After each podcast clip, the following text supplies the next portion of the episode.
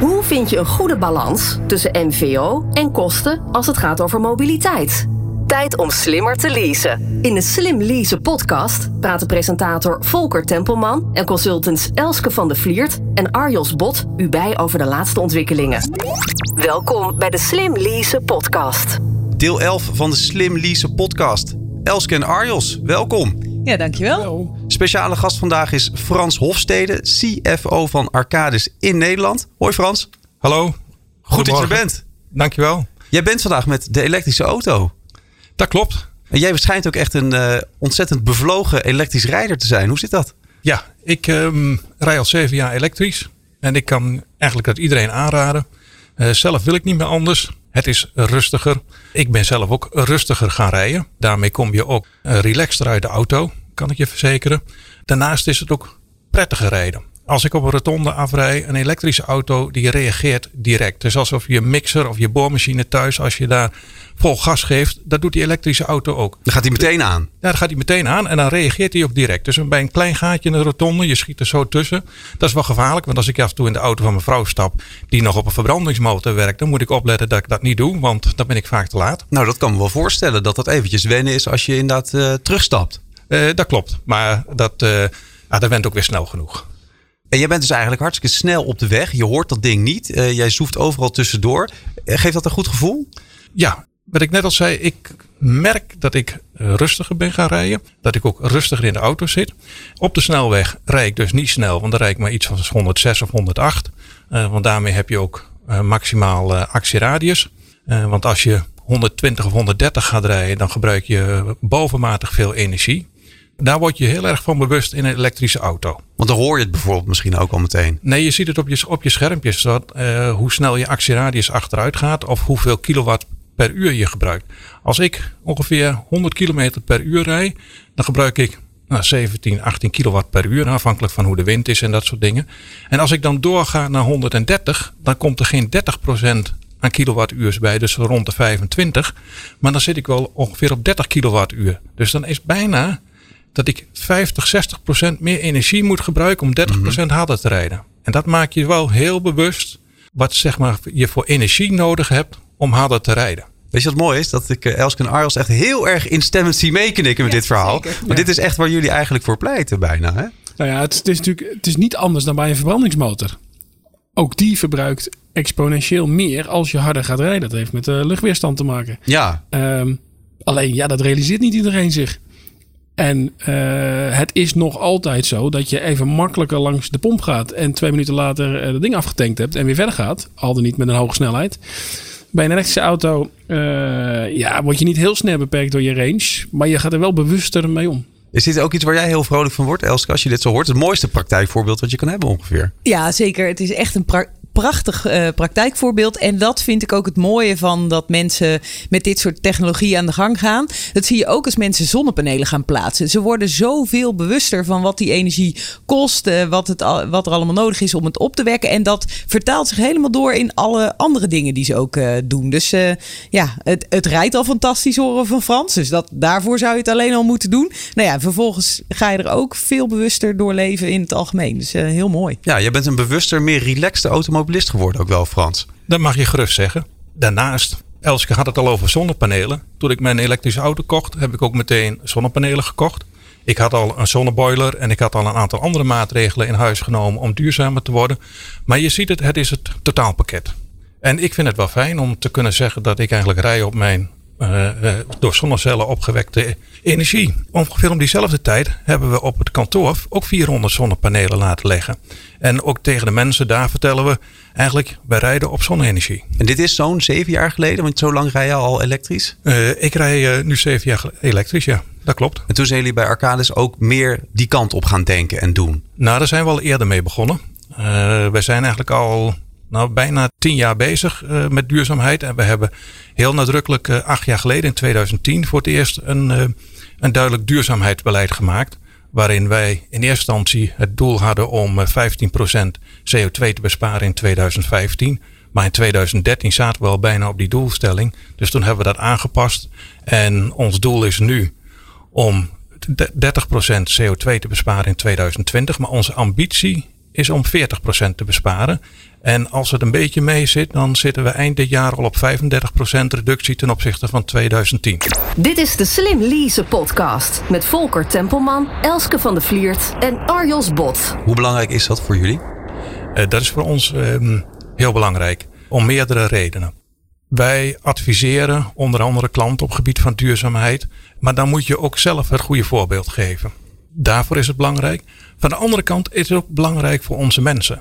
Als ik naar onze mensen kijk, en dat is wel grappig, toen wij in 2013 bezig waren wereldwijd met een nieuwe strategie, toen waren ze op zoek van wat is nou de missie van Arcades. Mm En toen hadden ze 150 ingenieurs uit de hele wereld bij elkaar gehaald. In drie dagen in, uh, in Londen in een hotel. Om, een nieuw, om de missie van Arcades te bedenken. En na drie dagen kwamen ze buiten. En dan zeiden ze: We hebben niet een nieuwe missie, maar we hebben een gemeenschappelijke passie. En dat is improving the quality of life. Het verbeteren van de leefomgeving. Dat is wat ons allen bindt en wat is, dat is wat ons drijft. Wij doen ook saneringen bij fabrieken waar ze er uh, de grond vervuild hebben. Hmm. Dat doe je omdat je weet dat je daarna of er weer huis op kunt zetten of het weer terug kunt geven aan de natuur. En dat is wat de mensen bij ons drijft. En als je dat ook weet, dan is het ook logisch dat wij heel veel werk maken van duurzaamheid. En ik merk het ook bij ons dat onze mensen enthousiast zijn om daarin mee te gaan en hun aandeel te leveren. Wat heb je ervoor moeten doen om dat voor elkaar te krijgen binnen de organisatie? Nou, dat is niet één ding. Daar moet je hm, heel veel dingen voor doen om dat zover te krijgen. Dat betekent in eerste instantie dat je een beleid moet hebben. Een duurzaamheidsbeleid. Dat betekent ook dat je een, een, duurzaamheidsmanager moet aanstellen, want je moet een programma opzetten. Het is, wij zijn begonnen met om te zeggen van goh, wij willen al onze kantoren op stationslocaties hebben. Zodat je niet meer, want eerst stonden ze langs de snelweg, dat je mhm. met de auto naar kantoor hoeft te komen, maar dat je ook met de trein kunt komen. Ja. En wat wij gewoon zien is dat wij al denk ik drie keer zoveel treinkilometers maken dan in 2010. En als je dan ook weet als financiële man dat een treinkilometer goedkoper is dan een autokilometer, dan is dat, snijdt dat mes aan twee kanten. Het is duurzamer en het is ook nog eens een keer goedkoper. Eigenlijk snijdt het aan drie kanten, want namelijk de medewerker van ons die met de trein komt, die is ook, die beweegt ook meer dan iemand die in de auto naar kantoor gaat. Hoe hebben jullie uh, medewerkers daarover mee laten denken? Of hebben jullie gezegd van nee, wij uh, op CFO, uh, CEO niveau regelen wij dat? Of ja, hoe gaat dat bij jullie? Ja, is een, is een goede vraag. Um, voor een deel gaat het natuurlijk. Wij zijn met het beleid begonnen, met die duurzaamheidsmanager. Vervolgens hebben we in onze business lines, dus de, de, de, de, de visies waarin wij werken, hebben we ambassadeurs aangesteld. En we hebben meteen een groep en dat zijn veelal jonge mensen waren dat, maar ook oudere mensen die enthousiast waren om ons heen verzameld. Om te zorgen dat we het, uh, het ripple, het, het, het, het, het waterdruppel effect krijgen die elke keer verder uitdruppelt. Mm um, om die er vanaf het begin bij te betrekken. Um, en dan ook kiezen voor een breed activiteit, uh, een scala van activiteiten. Dus niet alleen voor onze eigen bedrijfsvoering, maar wij kunnen ook impact maken in de projecten die wij voor onze opdrachtgevers doen. En om te kijken of wij duurzaamheid in die projecten kunnen brengen. Maar dat lukt alleen maar als je heel veel mensen erbij betrekt. En langs die weg is het voor mensen, wordt steeds natuurlijker om het te doen, maar dan is het ook natuurlijker om je bijdrage te leveren binnen je eigen bedrijf. Maar gedragsverandering is wel de kern en is wel heel moeilijk. Wij, daarom doen wij ook bijvoorbeeld ieder jaar mee met low carb diet. En wij zien dat wij eigenlijk ieder jaar wel het bedrijf zijn met, of een van de bedrijven met de meeste deelnemers. Het kost ons ook niet zoveel moeite om 100, en de laatste keer was het 185 deelnemers op de been te krijgen. Um, maar het voordeel daarvan is is dat je een maand heel anders bezig bent met je mobiliteit. En dat geeft een gedragsverandering waarbij je eigenlijk de jaren daarna heel veel profijt van hebt. Dus ik kan het iedereen aanraden, ieder bedrijf, om deel te doen, mee, of mee te doen met low carb diet. Want het helpt je in het veranderen van de mindset bij je mensen. In hoeverre komt het ook door het type bedrijf wat jullie zijn dat dit zo goed gaat, denk je? Duurzaamheid is onze passie, of tenminste het, het verbeteren van de, de leefomgeving. En dan zie je dat het heel dicht bij de mensen zit uh, waar wij uh, mee werken en waar wij onze projecten mee doen. Dus daarmee hebben we wel een voordeel. Ik kan me voorstellen dat dat bij ander soort bedrijven misschien veel moeilijker is. Dat, kijk, dat zou best kunnen. Dat zou best kunnen. Daar heb ik wat minder zicht op. Uh, maar ook daar, als het wat moeilijker is, uiteindelijk denk ik dat de mensen best wel doorhebben dat er iets moet veranderen. En dat we iets moeten doen. En dat het niet alleen maar kan kijken wat de buurman doet, maar dat je zelf ook iets moet doen. En dat betekent toch dat je in moet zetten met een beleid. Dat je er maatregelen bij moet hebben. En dat je ook in moet zetten op gedragsverandering. Dit is de Slim Lease podcast. Als we kijken binnen dit onderwerp naar de zakelijke mobiliteit. Hoe kijkt Arcadis daar specifiek tegenaan? Oh, daar kijken we vanuit verschillende invalshoeken uh, naar de zakelijke mobiliteit. Ten eerste, zakelijke mobiliteit is niet weg te denken. Vroeger gingen we met paard en wagen. En uh, nu gaan we ook met, met de elektrische auto of met, de, met het vliegtuig, afhankelijk van waar je moet zijn. Uh, dus dat zal er altijd blijven. Um, dat is de ene perspectief. De andere is, is dat wij. Veel van onze dienstverlening zit in die zakelijke mobiliteit. Wij denken wij denken mee met wegontwerp, met uh, spoorontwerp, met waterwegen. Uh, ook met de mobiliteitsoplossingen voor de toekomst als, uh, als Maas, Mobility as a Service. Um, dus ook van, dat is het tweede perspectief. Mm -hmm. Maar de derde is, um, omdat wij die diensten verlenen aan de klanten, proberen we het ook steeds meer de duurzaamheid in de projecten te stoppen. Dus eigenlijk principes als sustainability by design, om dat eigenlijk al mee te nemen. Maar ook uh, bij bestaande infrastructuur uh, mee te denken van hoe kunnen we die nu al klimaatbestendiger maken. We zien, en als we nu terugkijken naar deze zomer, die enorm warm was en droog. Mm -hmm. Dat heeft effect op infrastructuur. Maar als we het voorjaar kijken, hebben we enorm veel hoosbuien gehad. Niet op één plek in Nederland, maar op heel veel plekken in Nederland. Waarbij water, uh, uh, wegen onder water stonden, viaducten, et cetera. Dat heeft weer een heel ander probleem. En als je dus nu al in je projecten bezig bent voor een opdrachtgever, dan zeg je, joh, als ik nu toch naar die riolering kijk, zal ik eens even door gaan rekenen wat nou die extremiteiten in het weer voor impact hebben en hoe we dat dan moeten aanpassen in jouw systeem om dat wellicht in de toekomst wel te kunnen opvangen. Nou, dat is een ander perspectief. En wat we net al zeiden, um, als wij het propageren in onze, in, onze, in onze projecten voor onze opdrachtgevers, dan moet je ook zelf een goede voorbeeld geven. Practice what you preach. Precies. En, en daar hou ik wel van. Uh, dat doe ik zelf ook. Uh, ook in mijn privéleven. Ja. Um, maar dat betekent ook dat je als adviseur bij de opdrachtgever moet je ook hem in de ogen kunnen zeggen, kijken en zeggen van, uh, joh, maar wij doen het zelf ook. En daarom zijn wij al in 2010 met ons duurzaamheidsbeleid begonnen. En gelukkig heeft dat heel veel uh, effect gehad. En hebben we nu al, nou, waarschijnlijk eind dit jaar 35% CO2 gereduceerd. Wat zijn nou de grootste problemen die mensen, partijen met wie je werkt, opwerpen? Van ja, Frans, dat zeg je nou maar wel, maar uh, dat is voor jullie allemaal veel makkelijker dan, uh, dan voor ons. Dat gaat helemaal niet, dat gaat helemaal niet lukken. Um, dat kom je wel eens tegen, maar ook dan moet je vasthouden zijn. Niet op het vervelende af, hè, want het is wel, je hebt een klant-leveranciers uh, relatie. Maar uh, ik kan ook voorbeelden geven waarbij wij voorstellen deden om dat toch, als we dan toch met het pand bezig waren, om zonnecellen op het dak te doen. Waarbij het in eerste instantie uh, door het projectteam, die had op budgettaire reden daar geen ruimte voor. En dan moet je soms wat meer meebrengen om uiteindelijk het toch op de tafel te krijgen. En in die end was de klant blij dat wij toch vasthoudend waren, want ze hebben het wel gedaan.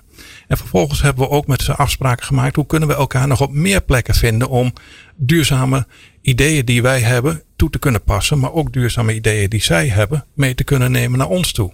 En je ziet dat um, duurzaamheid is soms ook een middel om op een andere manier met je klant in contact te komen. Want in die end, iedereen weet wel dat we iets moeten doen.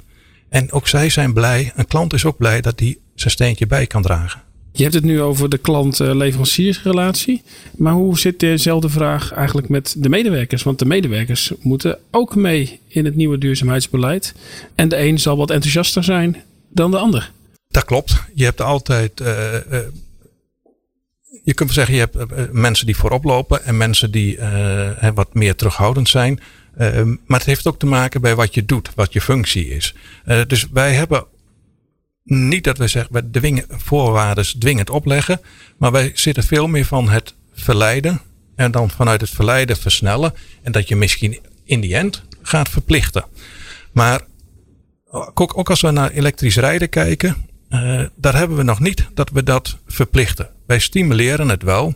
Uh, en als je bij ons een, je mag ook nog een benzinemotor bestellen. En dan willen we graag hebben dat je eentje hebt met weinig CO2-uitstoot. Heeft hij meer CO2-uitstoot, dan krijg je een malus, zoals we noemen. En met een lage CO2-uitstoot krijg je een bonus. Daarmee stimuleren we schonere auto's. En we hebben de elektrische auto's gewoon tussen de verbrandingsauto's staan. Echter, we hebben ze wel even als eerste gepositioneerd. en bij, uh, kijk, ook vanuit de overheid wordt het nu ook gestimuleerd. Nou, daar proberen we onze mensen ook op te wijzen. Maar het heeft, en dat heeft wel, uh, hebben we wel gemerkt de afgelopen jaar, je moet niet verplichten. Je moet de mensen overtuigen. En als je ze overtuigt en de voordelen van laat zien, dan gaat het vanzelf. Ja, wat je zegt, dat blijft nu al lang bij mij. Verleiden en dan versnellen, die onthoud ik. Dat uh, vind ik een mooie benadering, Frans. Herken jij dat ook uit de Arval-kant? Ik herken het wel. Maar het is wel zo dat eh, werkgevers gaan er echt heel verschillend mee om. Uh, er zijn nog steeds werkgevers die helemaal geen beleid hierop hebben en ook daar geen prioriteit aan geven.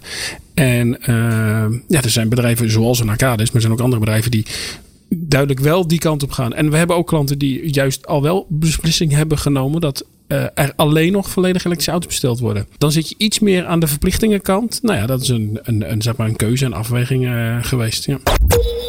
Dit is de Slim Lease podcast. Frans, eh, tot wat voor opties leidt dit allemaal als je naar de toekomst kijkt? Want we zijn eigenlijk pas aan het begin van wat er allemaal mogelijk is. Ja, het is heel moeilijk om vooruit te kijken. Wij zijn zelf ook met ons mobiliteitsbeleid, wat eigenlijk best wel succesvol was. Dat heeft ons gebracht waar we nu staan. Maar als we verder vooruit kijken, zeggen we ja, dan uh, vinden we eigenlijk dat enerzijds het te dik wordt met heel veel uh, stimuleringsmaatregelen en een heel breed palet. Um, maar van de andere kant zeggen we ook van ja, is dit nou wat ons in 2025 brengt? Nou, dat zijn we momenteel tegen het licht aan het houden en we zijn bezig om een nieuw mobiliteitsbeleid te ontwerpen. En dat is eigenlijk geënt op, op drie pijlers. Duurzaam, flexibel en evenwichtig. En als ik even toelicht, flexibel is, is dat, um, kijk, iedere dag is anders. De ene dag wil je thuiswerken, de andere dag moet je met je auto uh, naar, uh, naar een klant of naar kantoor. Uh, en de volgende dag wil je met de trein of met de fiets. Nou, dat moet allemaal mogelijk zijn. Hmm. we hebben al heel lang dat we bijvoorbeeld met NS Business Card werken. Dus de mensen bij ons die kunnen daar eenvoudig in kiezen. Maar het moet dus flexibel blijven. En alle mo modaliteiten die er zijn, willen we eigenlijk aanbieden. Binnen redelijke grenzen natuurlijk. Um, dus dat is één. Uh, en nou, misschien flexibel even afmaken als we nu kijken naar bijvoorbeeld Maas, uh, Mobility as a Service, wat wij een van de twaalf partijen zijn die dat trekt op de, de pilot op de Zuidas. Ja, dan kijk je al verder vooruit. Dan is het minder het bezit van bijvoorbeeld een auto, maar dat je het deelt. En dat je dus wel alle faciliteiten hebt als je een auto wil gebruiken, zowel zakelijk als privé, dat je het tot je beschikking hebt.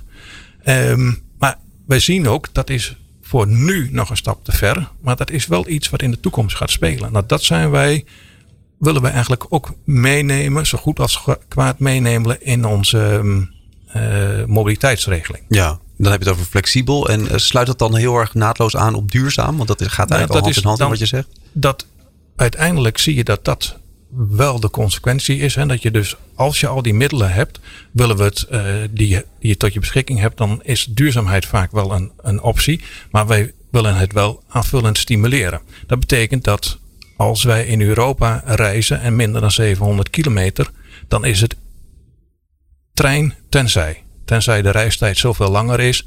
Uh, maar anders is het met de trein. Dus je moet wel op dat soort flankerende maatregelen bij doen. Anders dan krijg je niet altijd de duurzame uitkomst die je wil. En de derde is wat wij noemen evenwichtig. Je wil graag hebben dat iedereen op dezelfde mate voordelen heeft van je mobiliteitsbeleid. En nu leeft nog wel eens een keer bij mensen de perceptie dat iemand die een leaseauto heeft, dat die meer voordeel heeft dan bijvoorbeeld iemand die dat niet heeft. Nou, dus dat is wat wij bedoelen met evenwichtig. En het wil niet zeggen dat er dus geen leaseauto's meer zijn straks. Um, maar wij willen wel kijken of wij de voor- en de nadelen evenwichtiger over onze populatie kunnen verdelen. Nou, dat is zeg maar de ingrediënten waarmee we nu aan het werk zijn. En we hopen met een, eh, met een aantal maanden zover zijn dat het nieuwe beleid uh, er staat. dat is de toekomst. Wat zijn de lessen die je hebt geleerd in de afgelopen jaren dat jullie hiermee bezig zijn geweest? Um, nou, ik denk misschien de, een aantal lessen. Eén, het is niet één maatregel, maar het is een heel brede scala. Dus je moet je dingen doen in je gebouwen en je moet, het is niet alleen elektrisch rijden of uh, met de trein, maar je moet ook iets met uh, wisselwagens, met, uh, met e-bikes en dat soort zaken. Ehm, dus je moet heel veel middelen inzetten. twee is gedragsverandering is heel belangrijk. Enerzijds door mensen intern te enthousiasmeren, maar anderzijds bijvoorbeeld ook mee te doen met low carb diet. Waarmee je toch mensen laat ruiken aan heel veel opties die je misschien nu nog niet in huis hebt. Dat helpt. Je moet ook hele duidelijke doelen stellen waar je op kunt sturen. Nou, dat hebben wij gedaan. We hebben, uh, en, en dat merkt dat, uh, dat ik, ik, merk dat dat motiveert. Zeker uh, bij ons in de business. Dat mensen willen toch wel graag hun doelen halen. Mm.